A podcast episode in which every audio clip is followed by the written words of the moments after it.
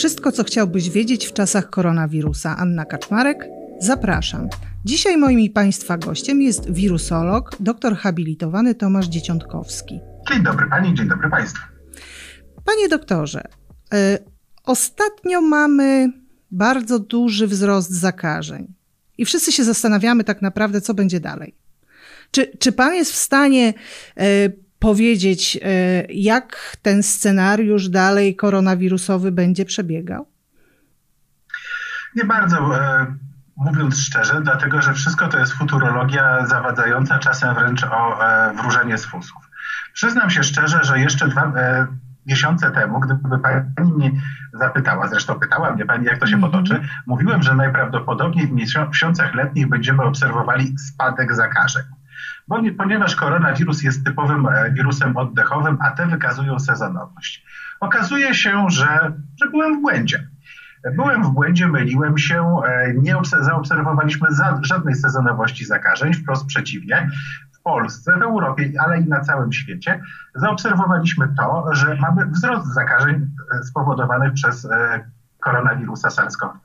Więcej, od kilku tygodni już Światowa Organizacja Zdrowia mówi, wyraźnie, że koronawirus SARS-CoV-2 i COVID-19 nie wykazują sezonowości zachorowań.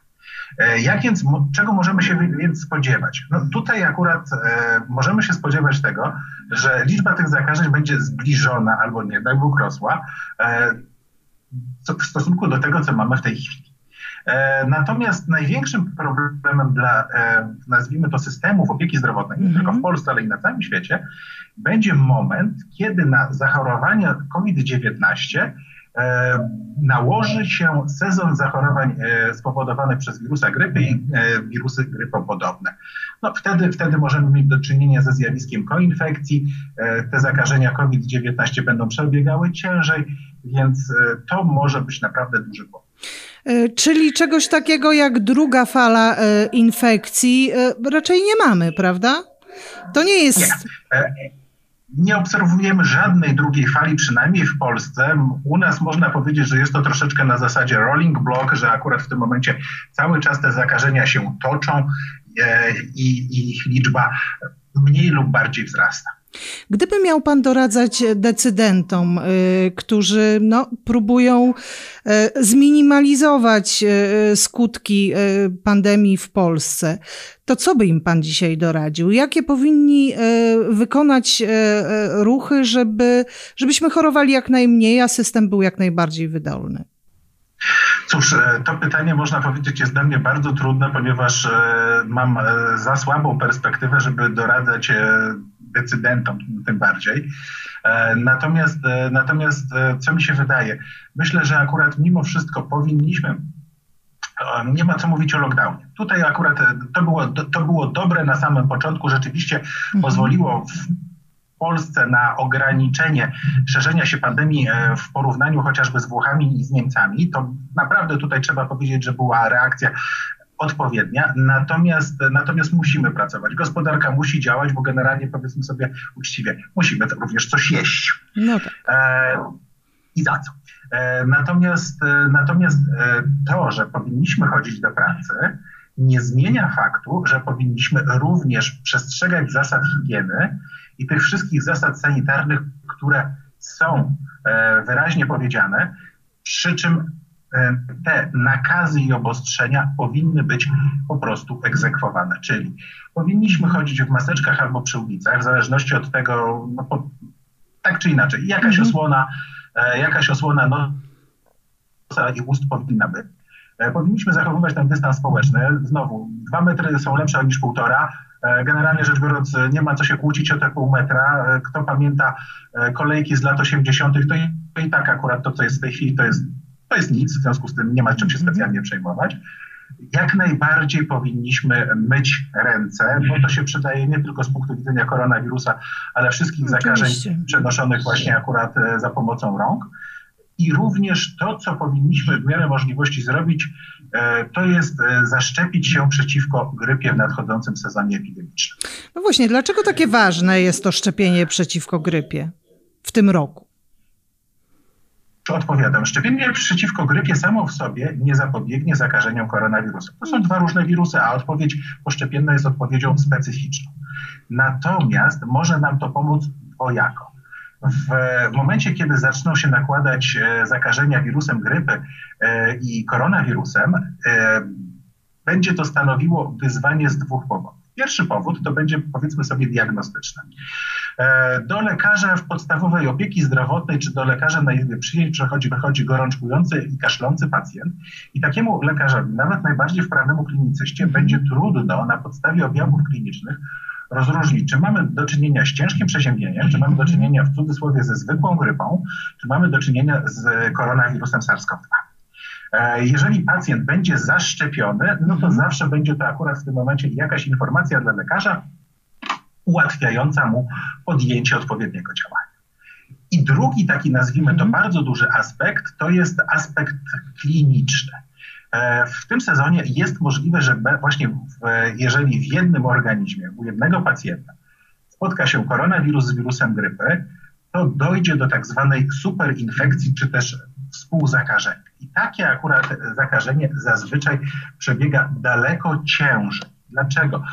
Dlatego, że akurat e, nasz układ odpornościowy jest osłabiony, w związku z tym e, może nie mieć wystarczająco dużo siły, żeby efektywnie walczyć z dwoma przeciwnikami, czyli z wirusem grypy i z koronawirusem. E, więc znowu, jeżeli będziemy zaszczepieni przeciwko grypie, mamy zawsze jakiś odsetek mm -hmm. prawdopodobieństwa, że ta szczepionka zadziała, że akurat mm -hmm. powiedzmy sobie to szczepienie będzie efektywne, no i przynajmniej w jakimś tam zakresie wirusem grypy będziemy mieli z głowy. Y, niektórym się wydaje, że szczepienia jakiekolwiek w takim okresie y, infekcyjnym, w okresie pandemii koronawirusa, mogą osłabiać odporność. Czy to rzeczywiście jest prawda, czy to taka legenda tylko krążąca? Powiem pani tak. E, czy lubi pani spacerować po lesie? No, oczywiście. E, czy nie daj Bóg, jest pani alergikiem? Nie. Bardzo dobrze. To akurat w tym momencie tak czy inaczej bardzo dobrze. Natomiast e, pani układ odpornościowy spacerując po lesie, zwłaszcza w momencie, kiedy cokolwiek kwitnie, mhm. jest narażony na kontakt z mnóstwem różnych antygenów, różnych mhm. cząsteczek, które będą mimo wszystko właśnie na drodze wziewnej dostawały się i nasz układ odpornościowy będzie na nie reagował. W większości przypadków oczywiście to, to, ta, ta reakcja zostanie zdławiona bardzo, bardzo szybko. Ale tak czy inaczej można powiedzieć, że dziennie e, organizm ludzki kontaktuje się z dziesiątkami tysięcy antygenów.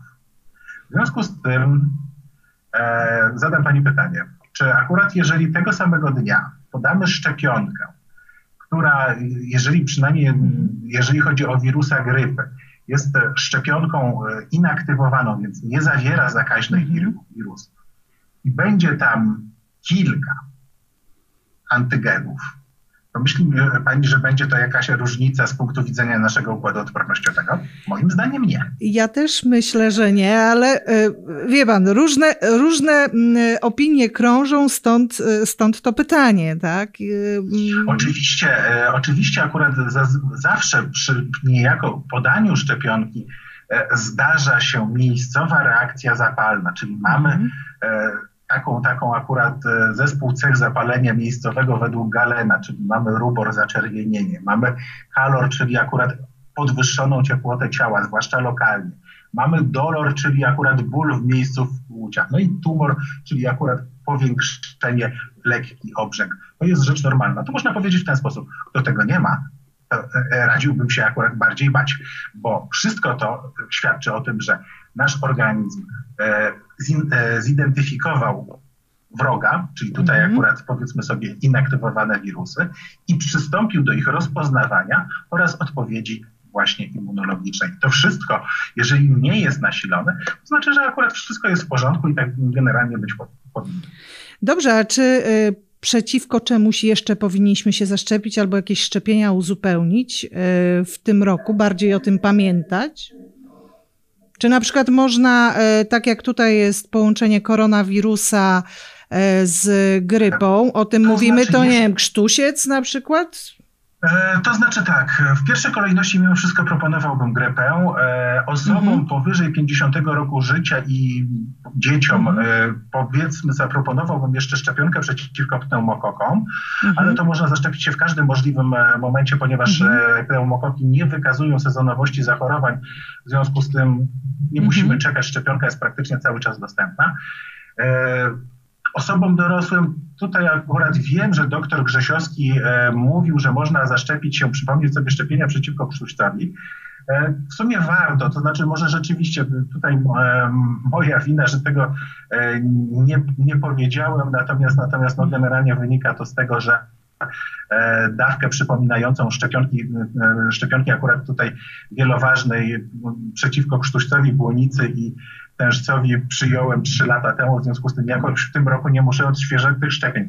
Ale rzeczywiście mhm. nawet dla do, do osób dorosłych taka szczepionka właśnie DTPA, czyli akurat e, e, gdzie, są, gdzie są antygeny tężca, gdzie są, gdzie są mhm. akurat antygeny błonicze, sztućcowe, raz na pięć lat się przydaje. Panie docencie, czy koronawirus z nami już zostanie, czy w końcu to kiedyś się zakończy?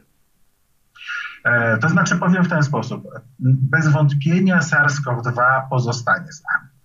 To nie jest tak, że on ulegnie anihilacji, że powiedzmy sobie są, ja wiem, że e, są pewne ruchy, które już się tutaj zbierają, to znaczy raz się zebrały w lipcu, teraz powiedzmy proponują to samo na sierpień, żeby, żeby odwołać pandemię. To jest mniej więcej akurat na takiej samej zasadzie, jak możemy się umówić, że, e, powie, e, że ma, o godzinie 11 dnia dzisiejszego razem z panią obwołamy, że Ziemia jest płaska. Mhm. E, to jest zaklinanie no tak. rzecz, rzeczywistości.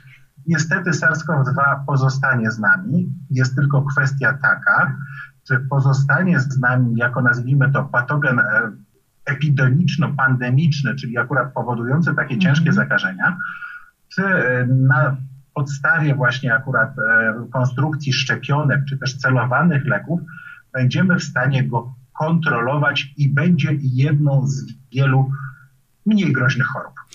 Miejmy nadzieję, że będzie jedną z mniej groźnych chorób. E, I, i tym pozytywnym akcentem w takim razie e, kończymy dzisiaj. Dziękuję pięknie. Dziękuję pięknie. Dużo zdrowia dla wszystkich Państwa.